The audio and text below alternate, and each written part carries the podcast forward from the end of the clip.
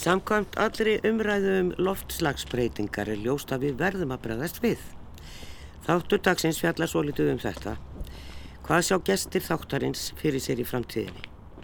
Við ræðum við tvo unga arkitekta, Ettu Ívarsdóttur sem að starfar við Hannun Borgalínu og Helga Steinar Helgason sem er einn eiganda Tvíhors. En án fjármaks kerist ekkert og því verða hér í stúdíu þeir Friðjón Sigurðarsson, framkvæmdastjóri Þróunasviðs hjá Reitum og Baldur Már Helgason, framkvæmdastjóri hjá Reyin. Bæði félögin eru fjárfestingafyrirtæki í byggingariðnaði. En við skulum byrja í heimsókn vestur í bæ. Já, okkur var bóðið inn á fallegt heimili hér á Fálkagötunni. Þar býr Helgi Steinar Helgason, arkitekt og vinnur og er einna eigundum tvíhorfs stofu og við erum hérna í komlu Hollywood-blokkinni en það er eins og við séum einhvers þar allt annar staðar því að þeir eru búin að taka íbúðuna hér alveg í gegn og gríðalegt útsýni og fallegt að koma hér inn. En uh, þetta er nokkuð stór íbúð og við erum svona svolítið að pæli framtíðinni. Ég sé svona svolítið fyrir mér að næsta kynslu sé tilbúin að búa í minna húsnæði heldur en kröfunar hafa verið uh, undanfærin árin. Og við sjáum það að stóru einblíshúsin eru kannski svolítið að hverfa og einhvern veginn sér maður að það kannski að endur nýta þau breytaðum í tvær, þrjár íbúður jáfnvel sem eru svo stór. Helgi Steinar, uh, það er svona, já, hvað sér þú í framtíðinni? Þó að við bara haldum okkur við búsetu.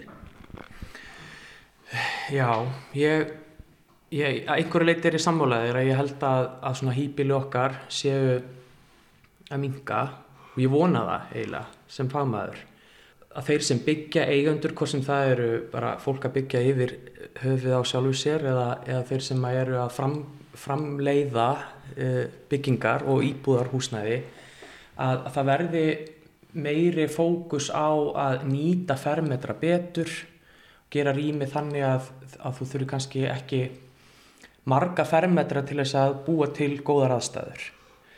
Uh, og ég held að það er nefnilega verið við um svona aðeins tapað okkur í því og það er kannski bara alveg eðlilegt. Og ég held að við hefum ekki endilega verið alltaf svona mikið að fókusera á það sem að hefur gerst eða, og, og hvernig við höfum til dæmis byggt áður, ég held að við getum lært mikið af því og ég held að við heldur ekkert bara alveg að, að, að gleima því öllu að loka á það, við að nota það til þess að, að læra og, og, og gera betur alltaf.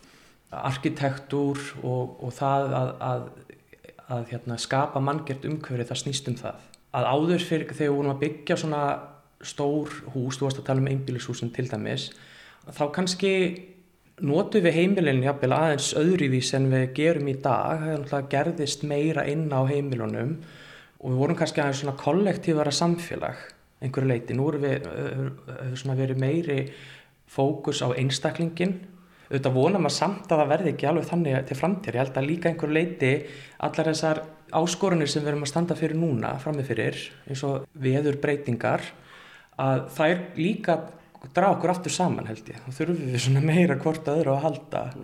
Já, að, að þú veist að við og líka þetta með að sko, hvað, þú veist, orkan okkar hefur alltaf verið ódýr og mikið af henni. Og þá hefur við ekki veltið jafn mikið fyrir okkur eins og margar aðra þjóður sem við byrjum okkur sama við sem hafa ekki allar þessar auðlindir. Þá hefur við ekki verið að veltaði fyrir okkur hversu mikið við eigðum til dæmis í að kynnta húsin okkar. Af því að það hefur bara ekkert verið rosalega stór kostnæðaliður í einhverju svona heimilisbókaldi En við verðum líka að hugsa það út frá því að við séum ekki endilega að eigða efnum fram og, og það sama á við fermetrana. Ef við byggjum aðeins minna, bara 30% minna hús, að þá hljótu við að borga 30% læri fastegnagjöld að því, hver skipti sem við þurfum að mála húsi, þá þurfum við 30% minni málingu og svo framvegis og svo framvegis. Þannig að, að, að þetta hlýtur allt saman að hafa áhrif líka til framtíðar. Og ég held að það sé mikið á þetta umræðinu um já, sustainability, eða þetta með að, að hlutir séu vistvænir, er að við horfum líka á það til framtíðar hvernig er endast hversu endingagóð efnin eru sem við erum að byggja úr. Mm. við erum svolítið götnaði að, að hugsa alltaf um kostnaðin, hann har alltaf verið í lámarki það virðist einhvern veginn vera að það haldist ekki hendur að byggja alltaf ódýrt og skapa gæði. Mm. það er ekkert endilega alveg sama sem er ekki þarna á milli. Og þess vegna þurfum við að hugsa þetta aldrei útræði hvert er markmið okkar og þannig að hugsa það út frá að, að, að kostnæðurinn hann getur kannski verið herri í upphafi þegar við erum að byggja byggingarnar eða húsin en til lengri framtíðar gætu við verið að spara. Hefur sko, þú búin að vinna sem arkitekt í tíu ár, þið stofnið þessa stofu á sínum tíma. Mm -hmm.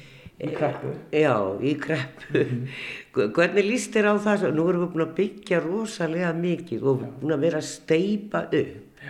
Nú er talað mikið um að við hefum að byggja úr vistvætni efnum og einmitt þetta sem þú segir að kannski er það dýrara í upphafi en viðhald og ending kannski betri en af steinsteipu. Alveg, ég held að þetta sé mjög mikilvægt að við séum að ég mitt að pæla í því hverjir eiginleikar efnana eru og ég mitt að nú kemur í ljós að, og þetta er svona samt svolítið nýtt í umræðin á Íslandi að sá sannleikur að steinsteipan sem við erum búin að vera leggja allt okkar tröst á sé í raun og veru ekki vistvæn.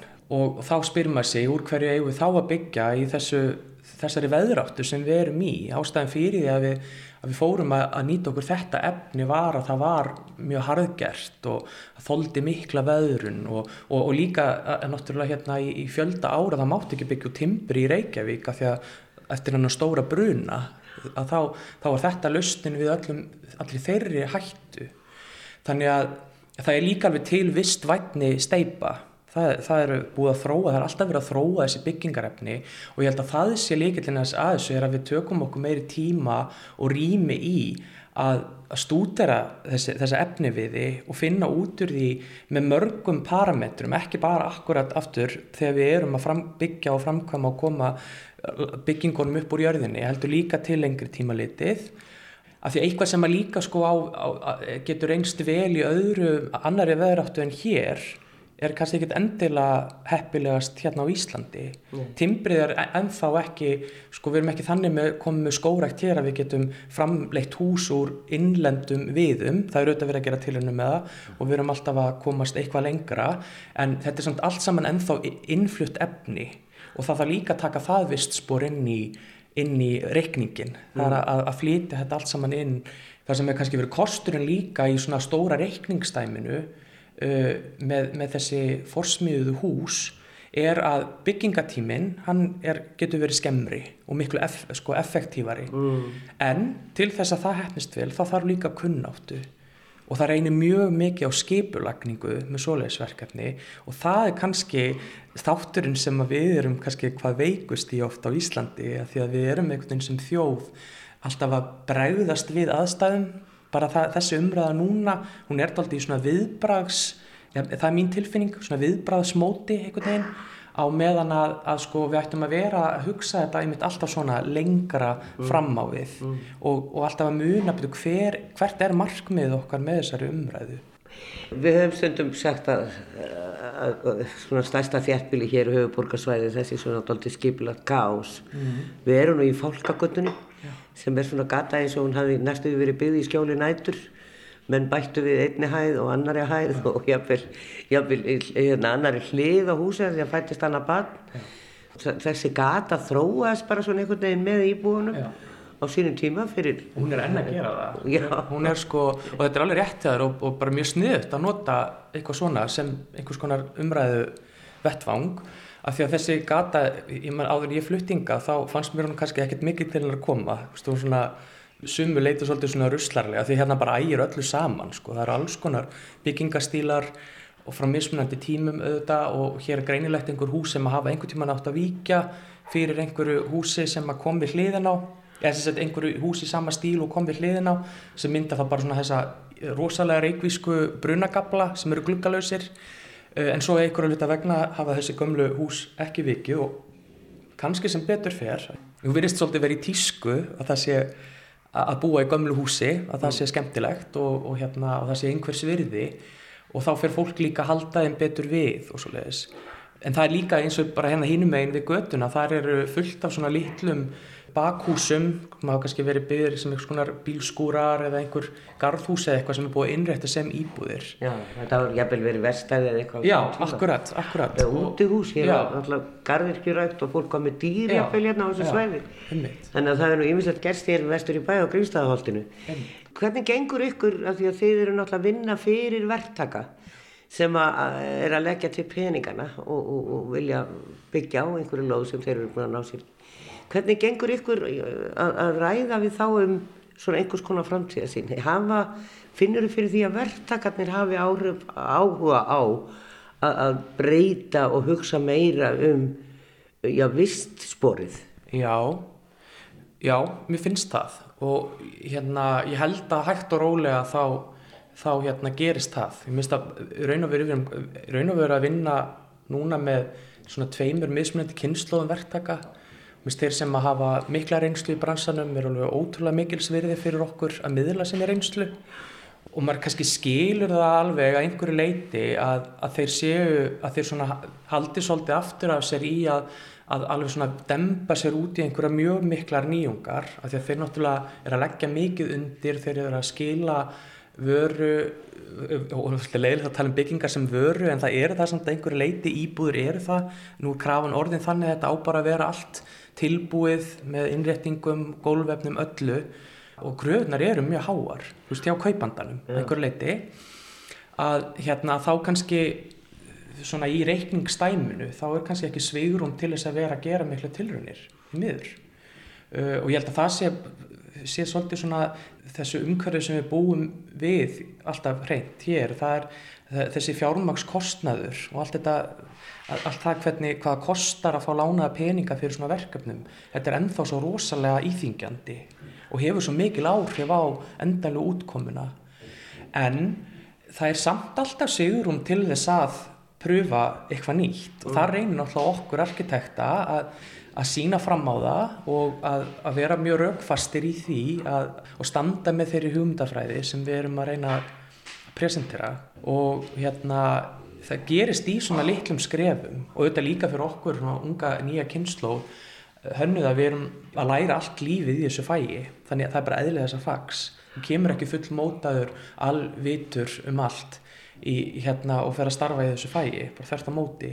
Og ég á líka að hugsa sko bara núna í morgun að nú komst þetta til mín að hérna sko arkitektúr hefur kannski færst sko sem nám mikið inn á svona list inn svona, meira svona listaakademíuna svona listaháskólar sem er fannir að kenna arkitektúr sem er mjög gott og mörguleiti mjög uh, mikilvægt svona út frá þessu að þetta er skilgreint sem, sem listgrein. Hún er alltaf líka mjög mikil praktísk, þess vegna eru ennþá líka arkitektur kentur í tækniháskólum af því að þetta náttúrulega við erum að skrúa saman mjög flóknar hluti og láta það að þeir þurfa að vera öryggir og, og, og þeir þurfa að virka vel á fólk og nýtast vel og allt þetta, eru bara margir, margar kröfur sem þarf uppfylla. En svo held ég líka við þurfum að fara að kenna arkitektur miklu meira sem sko félagsgrein, félagsfræðigrein, Sam, samfélagsgrein, já, af því að við erum alltaf að breyðast við kröfum samfélagsins. Bæði við, að, við gerum arkitektur hans snýst um það um fólk og umhverfi. Manngjörst umhverfi hvernig við höfum áhrif á náttúruna þegar við komum á eitthvað svona óspilt land og við, að við reynum að raska því sem minnst og bera viðingu fyrir því en svo er líka þessi þörf fyrir að skapa eitthvað drama utanum samfélag Hvors, og öllum starðagráðum samfélag sem heilt land, sem heil þjóð, sem borg líka sem fjölskylda því að fjölskylda er líka samfélag í sjálfu sér Einn spurninga lókum, ertu bjart síðan á framtíðina? Það, það, það tala svo mikið um að við séum á, búin að vera á rángri leið og þurfum að snúa við blæðinu hvernig lífið er með það? Ertu bjart síðan? Já, ég, sko, sem manneski er ég bara bjart síðan að eðlisfari og já, ég er bjart síðan og ég er líka svona vona að þessi umræða að hún uh, fari að gera slíka bara meðal almennings að fólk sem eru nótendur af byggingum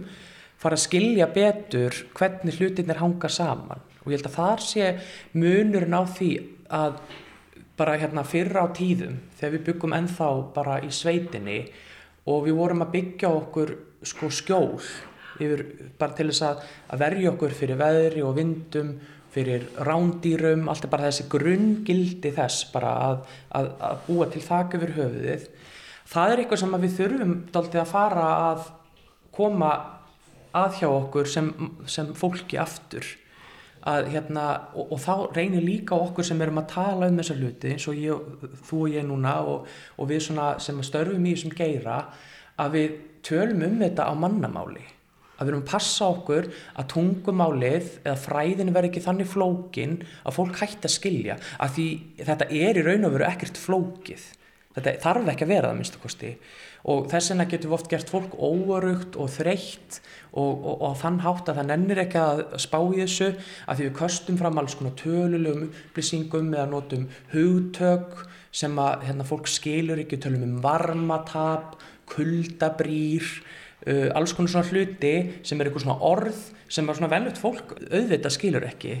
Og þess vegna verður við að komast aftur meira í hann kjarna að, að hérna skilja já, bara skilja alla þessa hluti að þá saman förum við að gera öðruvísi kröfur og, virk, og virkilega komast á einhverja staði sem, eru, sem uppfylla allar þessar kröfur skiljum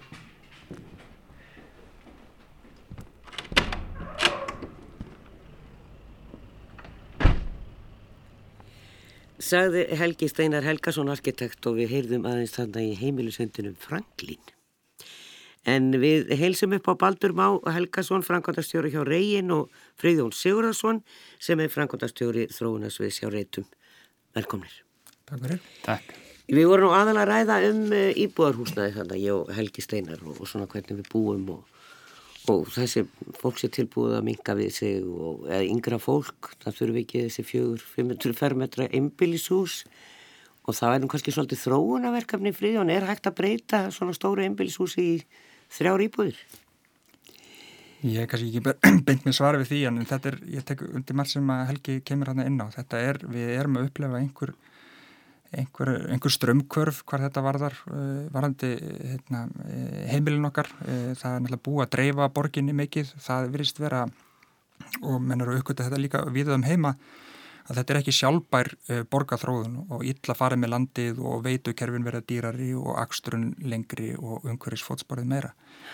Uh, eitt sem ég svona fór að hugsa þegar hann var að fjalla um þetta en hérna, hér, þegar var að vera að byggja þessi einbilshús þá voru náttúrulega eða sérbílinskulu kallu, þá voru þetta líka vinnustæðir ekki sett. Það var sko hérna, heimavinnandi húsmáður var svona mótus operandi eins og maður segir á þeim tíma þá var verið að hérna, græja og gera þú gæst ekki keift allt svona tilbúið hérna, á markaðunum eins og maður segja sko þannig að einhver liti er þetta kannski bara partur af því að, að vera að koma úr þessari sveitamenningu yfir í borgarmenninguna Já. en svo er náttúrulega mikil hraði á þessum strömmkvarfum í dag og, og, og raunum við að hafa borgar yfirvöld og sveitafjöluðin á höfuborgarsvæðinu eiginlega gripið í taumana og og sammælst um að hætta að dreifa borginni og þjættana en það þarf fleiri að koma til, nýjir innviðir eins og borgarlínan og, og slíki hlutir. Já, koma henn á eftir. Hvað segir þú Baldur? Hefur þú trú á því að, að yngra fólk, mér finnst ég heyra það því ég er að tala við yngra fólk að það sé alveg tilbúið að búa í minna húsnaði og, og spara, eiga jafnvel ekki bíl og nota peningan í eitthvað annað. Já, ekki spurning. Við heldum segjum að sjá eins og bæðið eins og Helgi og, og Fríðan segja ákveðin kynnslóða skipti þarna og tengist í bæði hvernig svona ungt fólk er að, er að forgangsa hlutanum, hlutanum peningunum sínum, tímanum sínum. Uh, og við sáum svo þróun veist, í, í búðum eins og segir úr stórum einbílu í, í hérna, minni íbúður sem eru þá oft staðsettar einhverjum kjörnum þar sem fólk getur líka þá nýtt almenningssamgangur og, og jafnvel sótt vinnu með einfaldari hætti Við erum líka að sjá svo að þróun bara í skrifstóhúsnaði. Þessar lokuðu skrifstóður sem voru hérna verið ekki svo langu síðan. Nú er þetta orðið ofnið vinnur í mig. Það snýst bara um að nýta fermetruna, nýta fjárstinguna betur. Já. Og í mínum huga það bara grunnurinn að þessum umhverfis vakningu að, að nýta allar öðlendir betur. Já, en eh, sko stundum held ég að fólk haldi að, að reygin og reytir séu aðalega fjárfesta í þjónustu fyrirtækjum, stórum fyrirtækjum, atvinnuhúsnaði en þið eruð að þróa líka íbúðarhúsnaði. Já, við hjá reytum erum já. með hérna, sagt, þróunaverkefni á okkar, okkar borði en við erum e, stórt fastegnafélag sem er aðalega í atvinnu húsnæði þar að segja verslunuhúsnæði, skrifstofur, hótel, vörugemslur og slíkt.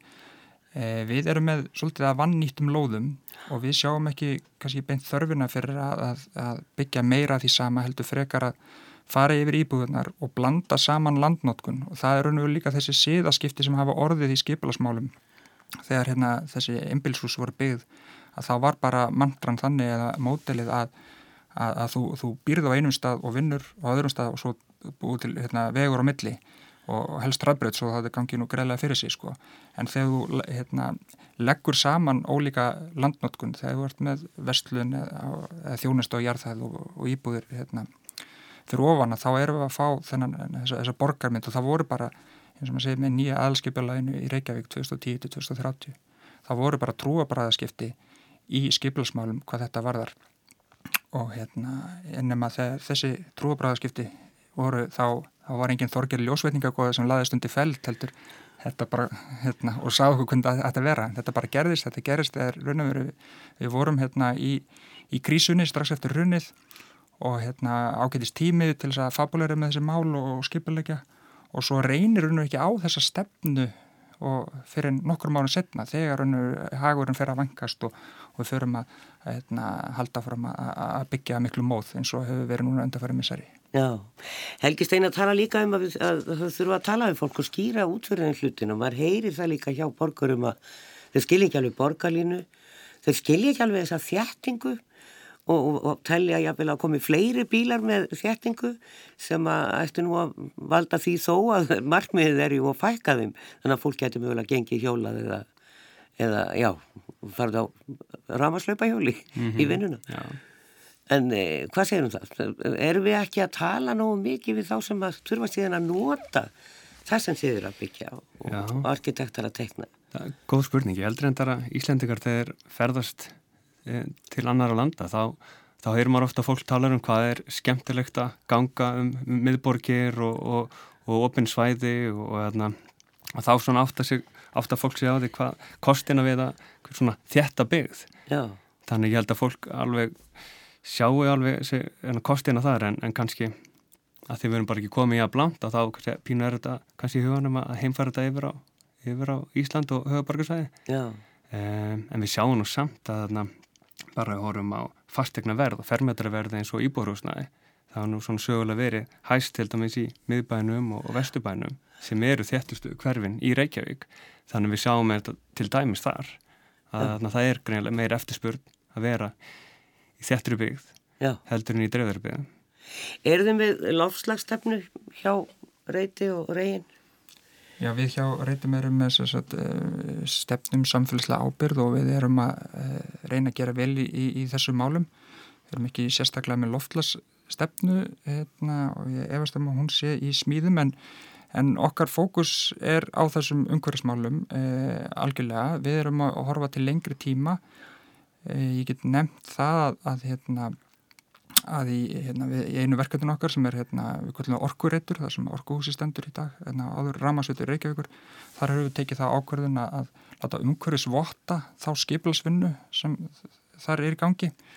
Og það er hérna, þannig að við stefnum að hérna, svo kallega Bríam hérna, community vottun. Sem er að er í urðahaldun í Garðabæ Já, horrið, þannig, þannig að það er það fyrsta sko, umhverfisvottaða skipulaði í, í, í Reykjavík. Þannig að e, það er eins og maður segir svona blöndu landnótkun á þeim reyt það er, hérna, það er þó aðalagi búður en hérna, atvinnustar sem í bland og, og þetta svona pínum mann líka þetta, þessi hérna, stefna að, að fara sko undirbúa allt vel og skoða ímislegt, hérna, við erum að fara að vinna með líffræðingum og hérna, ég veit ekki hvað og hvað sko sem ella hefði ekki þurft að gera í svona hefðinni skipulætt. Við erum að setja okkur meiri kröfur heldur en ofinbæra og regluverkið hérna, e, mæli fyrir um. Hvað segir þið? Já, hjá Reyin höfum við verið með umhverfistefnu og vorum rauninni útvika hana núna í haust með því að sleggja hann til hliðar og taka upp hana sjálfbærnistefnu sem nær þá bæði yfir umhverfismál og hvernig, hvaða áhrif rekstu fyrirtækisins hefur líka bara á samfélagið og, og síðan hefur það líka á hana, svona fjárraksleg sjálfbærni fyrirtækisins. Þetta við teljum að þessi þrýr þættir verða allir að vera sjálfbærir bara til að fyrirtækið eðna, getið vaksið og dafna til lengri tíma litið. Já, aðeins einn spurning áður og við heyrum í henni Edvi Ívarsdóttur. Eh, það er, hann myndist á um, sem sagt, vistvætni steipu. Ég hef svo sem heyrst þetta, það er, eh, er til ekki bara þessi eina sanna steipa á sem að ef nú reyndar valdið skemmtum hér og þar, hún er misjaflega góð. En er þetta eitthvað sem að þið eru að skoða?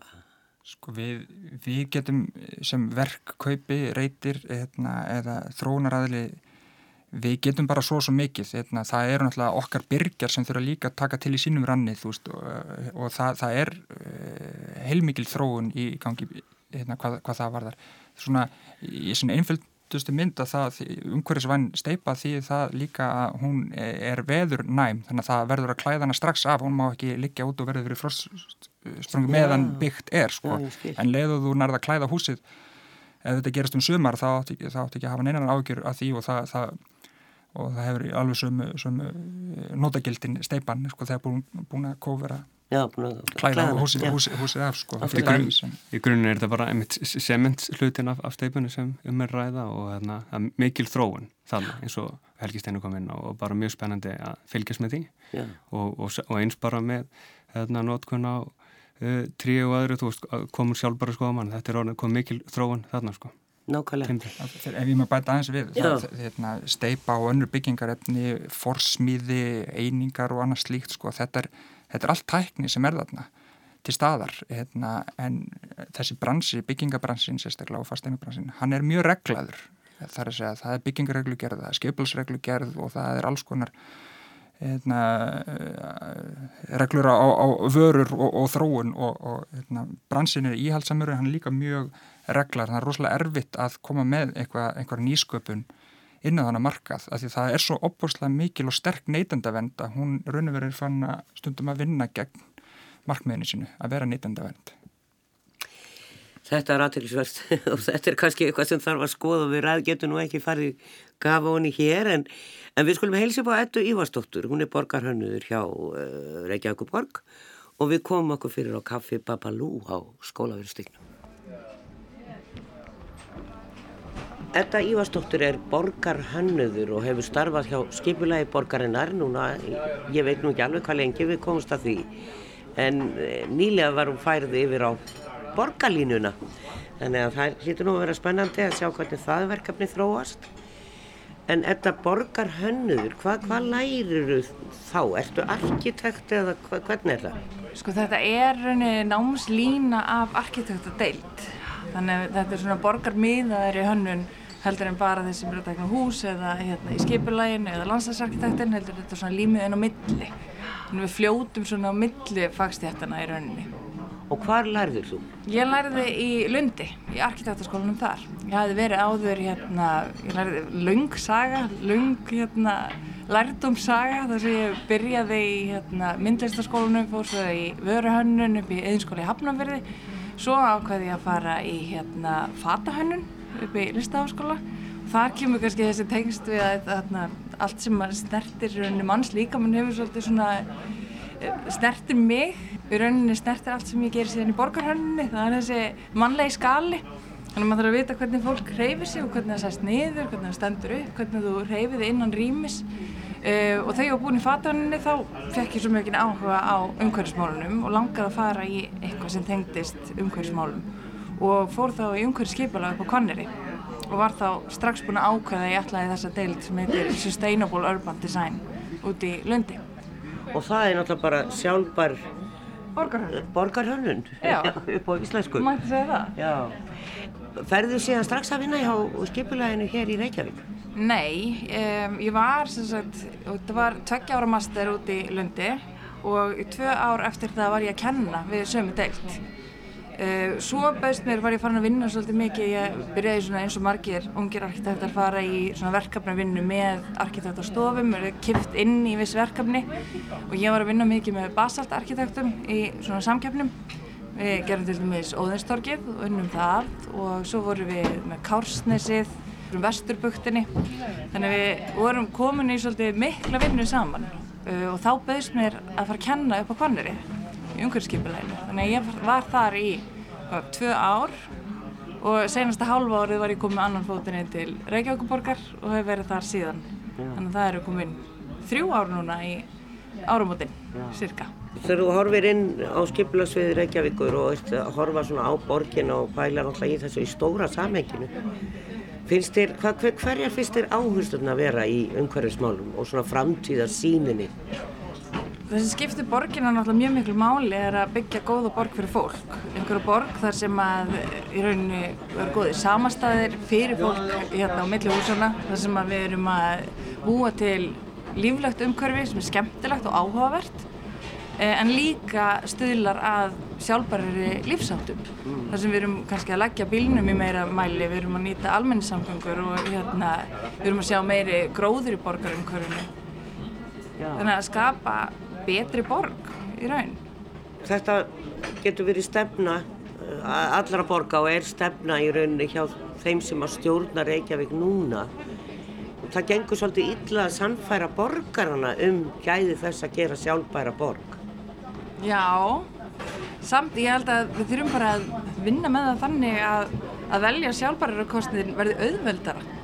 Við erum auðvitað fólki valið. Og fólk hérna, upplifa það sé þægilegt að fara með strætó eða borgarlínu sem þægilegur að flokka sorpið.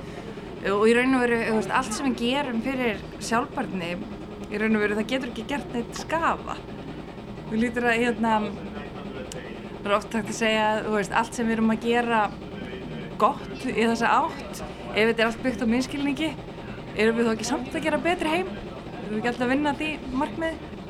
Gríðilega margir sem vinna á skipulagi borgarinnar og þau eru átta hönnuður hérna á borgarlínunni sem er náttúrulega í sjálfu sér undir borginni að einhverju leiti en svo náttúrulega bæjarfélagunum í kring. Eru allir sko með þessa sín, þessa framtíðasín? Lang flestir er að vinna að náttúrulega gera betri borg.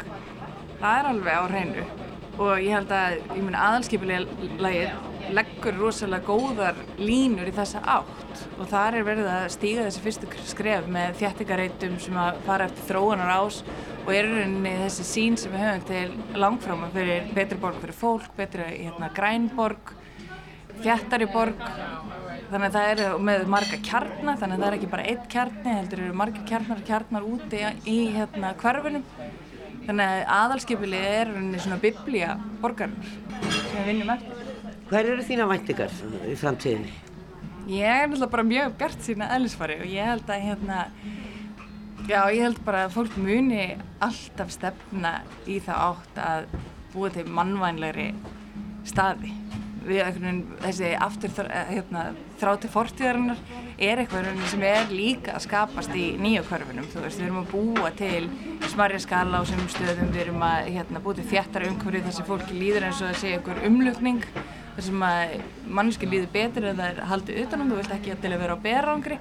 Já, ég held að hérna, í mín framtíðasín er bara að við eigum eftir að eiga þjættra og betra höfuborgarsvæði þar sem að við finnum þetta flæði á milli samfélagana. Finnur þetta á fólki á þínum aldrei í kringu þig?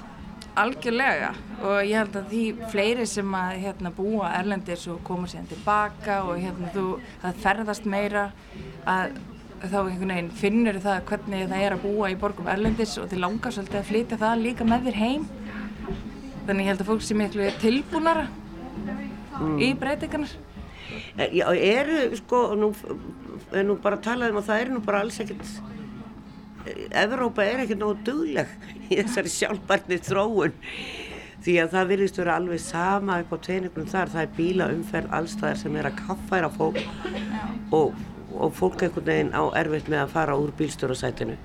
Já, en borginir eru svolítið mjög duglegar að sportna við fótum erlendis. Við sjáum það í Paris þar sem við verðum að göngu við það heilmikið. Hollendingar, þetta var, sama var að gerast og er að gerast í okkur bara fyrir 30 árum síðan í Kaupanöfn og Amsterdam. Þannig að þetta er alltaf sama þróunin, við erum kannski bara aðeins lengur og eftir. En síðan er þetta líka annað eins og með almenningssamgöngunar að fólki finnst einhvern veginn sjálfsagt mál að nota þér erlendir sem óskaplega erfitt hér. En í raun og veri er það, þetta er náttúrulega bara sama og það er bara að prófa og hérna byrja að nota strætó og síðan ekki um borgarlíðan þá eru við komið með hákjaða almenningssamgöngukerfi sem lítur að gjörbreyta lífinu í borginu.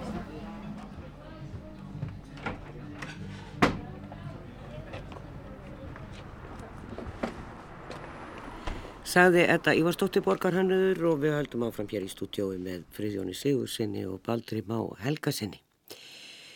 aðeins um borgarlínu að því að þetta er alltaf búið að vera mál málan núna undanfærin ár og það, tekur svo langan tíma, fólk vil alltaf bara sjá allt strax en er, vinnan er á fullu og, og ég þekki nú alveg slatt af ungu fólki sem er búið að leggja bílnum og, og fer í strætó og, og nota strætó bara yfirleitt alltaf, einstakasinnum á lánsbíl e, eru þið eitthvað í ekkar þróunafinu að pæla í borgarlínni?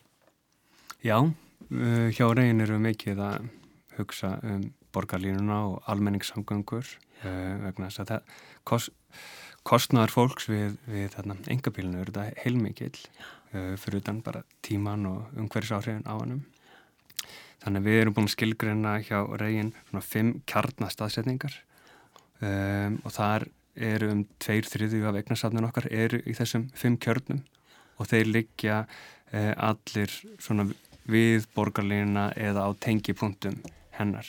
Og þar ætlum við að byggja meira upp og, og þá minga vægi semst, sem, það sem á öðrum svæðum. Já, já. þannig að þetta skiptur okkur miklu máli. Fríðjón, eh, gerir það fyrir að sé sami upp á teiningum hjá ykkur, þetta er náttúrulega eru góðar fjárfestingaleiðir að fara eftir þessu skipula í borgarinnar Já, við teljum að þetta verði náttúrulega uh, svolítil umbilding, hérna, samgöngubilding, hérna, að, að fá þetta kerfi. Við teljum að það verði það upplugt að, að, að það muni sko, draga að og hérna, auðvitað við kannski strætókerfi sem hérna, er nú við líði en, og, og við erum að eigum staðsetningar hérna, á þessum borgarlínu ásum og, og, og höfum verið að aðlaga skipulag að e, borgarlinni þannig að það, það vegu mjög þungt hvernig við erum að skipilegja okkur að en, en sumstar eigur alltaf bara byggingar sem bara stóðu þarna fyrir og svo kemur borgarlinni framjá þannig að við lítum á þetta sem tækifæri að þarna e, e, tækifæri að fletta þetta betur saman. Mikið samkeppni á milli fyrirtækjana á þessum svæðum? Sjálfsög mikil samkeppni á milli en, en millir fyrirtækina og allra fyrirtæki þessum geira. Uh, en þetta, eins og við erum búin að koma inn á borgarsvæðið er, er stórt, þannig að það er alveg mikið undir.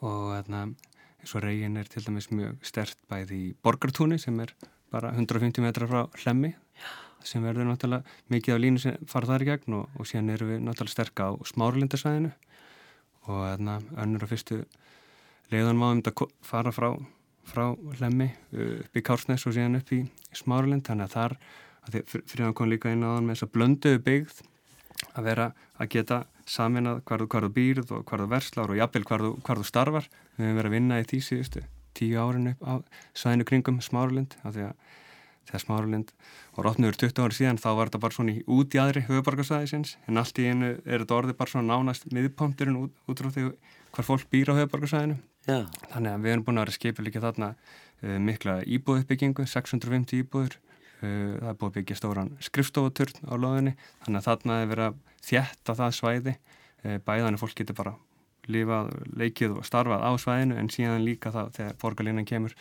aft greiðar í samgangur nýri, nýri miðbæ og önnur sveitafélag. Já, Þi, þið eru náttúrulega að gera sveipað á, á, á kringlureiknum. Já, ég þannig að leiður þetta strax sko að kringlan er miðbútur höfbruksum sem er smárleik þannig að það sé fært í bókar hérna, þar verður hverfið sko hérna, þar sko uppbyggingin þjónuðstuð af, af tveimur borgarlínu ásum sko en oftast nær er það yfirleitt einn, einn ás sem er að fara um þannig að þetta verður eins og, eins og bestur á kosið eh, með til samgangna því að við erum, að því hinnar stoppbyrðunar er heldur ekkit að fara neitt sko og það er ekkit að leggja staf sko í bráð. Nei.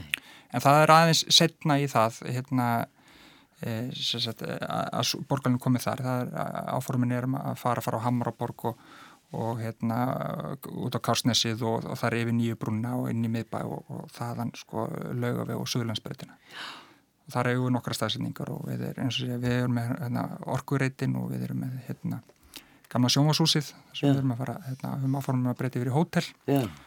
og hérna, þetta er allt svona mjög nálægt og þjónustað líka almenni samgangum þannig að þetta við lítum á þetta sem mikið tækifæri. Já, það verður gaman að sjá þetta þegar eitthvað sem verður orðið á raunveruleika það er svolítið langt í það. En svo við snúum okkur kannski aðeins aftur af því að það er kannski það sem að fólk hefur svona mestan áhuga á, það er íbúðarhúsnæðið og mm -hmm og við höfum verið að byggja alveg rosalega mikið núna síðustu fjög, fimm ár og þessar íbúður er að byrtast Ég heyr á mörgum, eh, sérstaklega arkitektum, að þetta hafi ekki verið rannsakan og áður en stað, á staðafarið. Eh, að það sé ekki verið að byggja réttu íbúðuna fyrir markaðin. Og mikið af stórum, uh, fáherbyggja íbúðum, tveggjaherbyggja íbúðum sem eru yfir 100 fermetra. Erum við ekki að rannsaka nóg? Og þá eru náttúrulega líka fjárfæstingafyrirtækina þegar það lítur að vera ykkar hagur að að hlutnir séu í samræmi við það sem að fólk vil kaupa. Já, ef ég tek þetta þá hérna, var það klárlega þannig í fortíð og sérstaklega þegar sveitafélagin voru öll að dreifa borginni og það, hérna, það var engin miðleg hérna, upplýsingagjöf hvað hvert sveitafélag var að gera þannig og hvað starður að íbúið mánu slíkt en, en ég held að núna og borgin, Reykjavíkuborg hefur gert ágættis mót í því að, að upplýsa markaðunum hvað er gerst í borginni, Reykjavíkuborgin sem er langstasta sveitafélagið hvað þetta varð og haldi fundi með markasæðalum varandi uppbyggingu íbúðhúsna hvar. Þannig að það geta aðri sé hvað hinn eru að gera, þetta er eins konar markastorg má segja, þannig að, það geta mann tekið sínar ákvarðinir eða betri ákvarðinir uh, hérna, út frá því. Núna er íbúðalansjóður komið nýtt hlutverk hættur að vera lánastofnun og farin að verða einhvers konar hagstofa byggingagerans.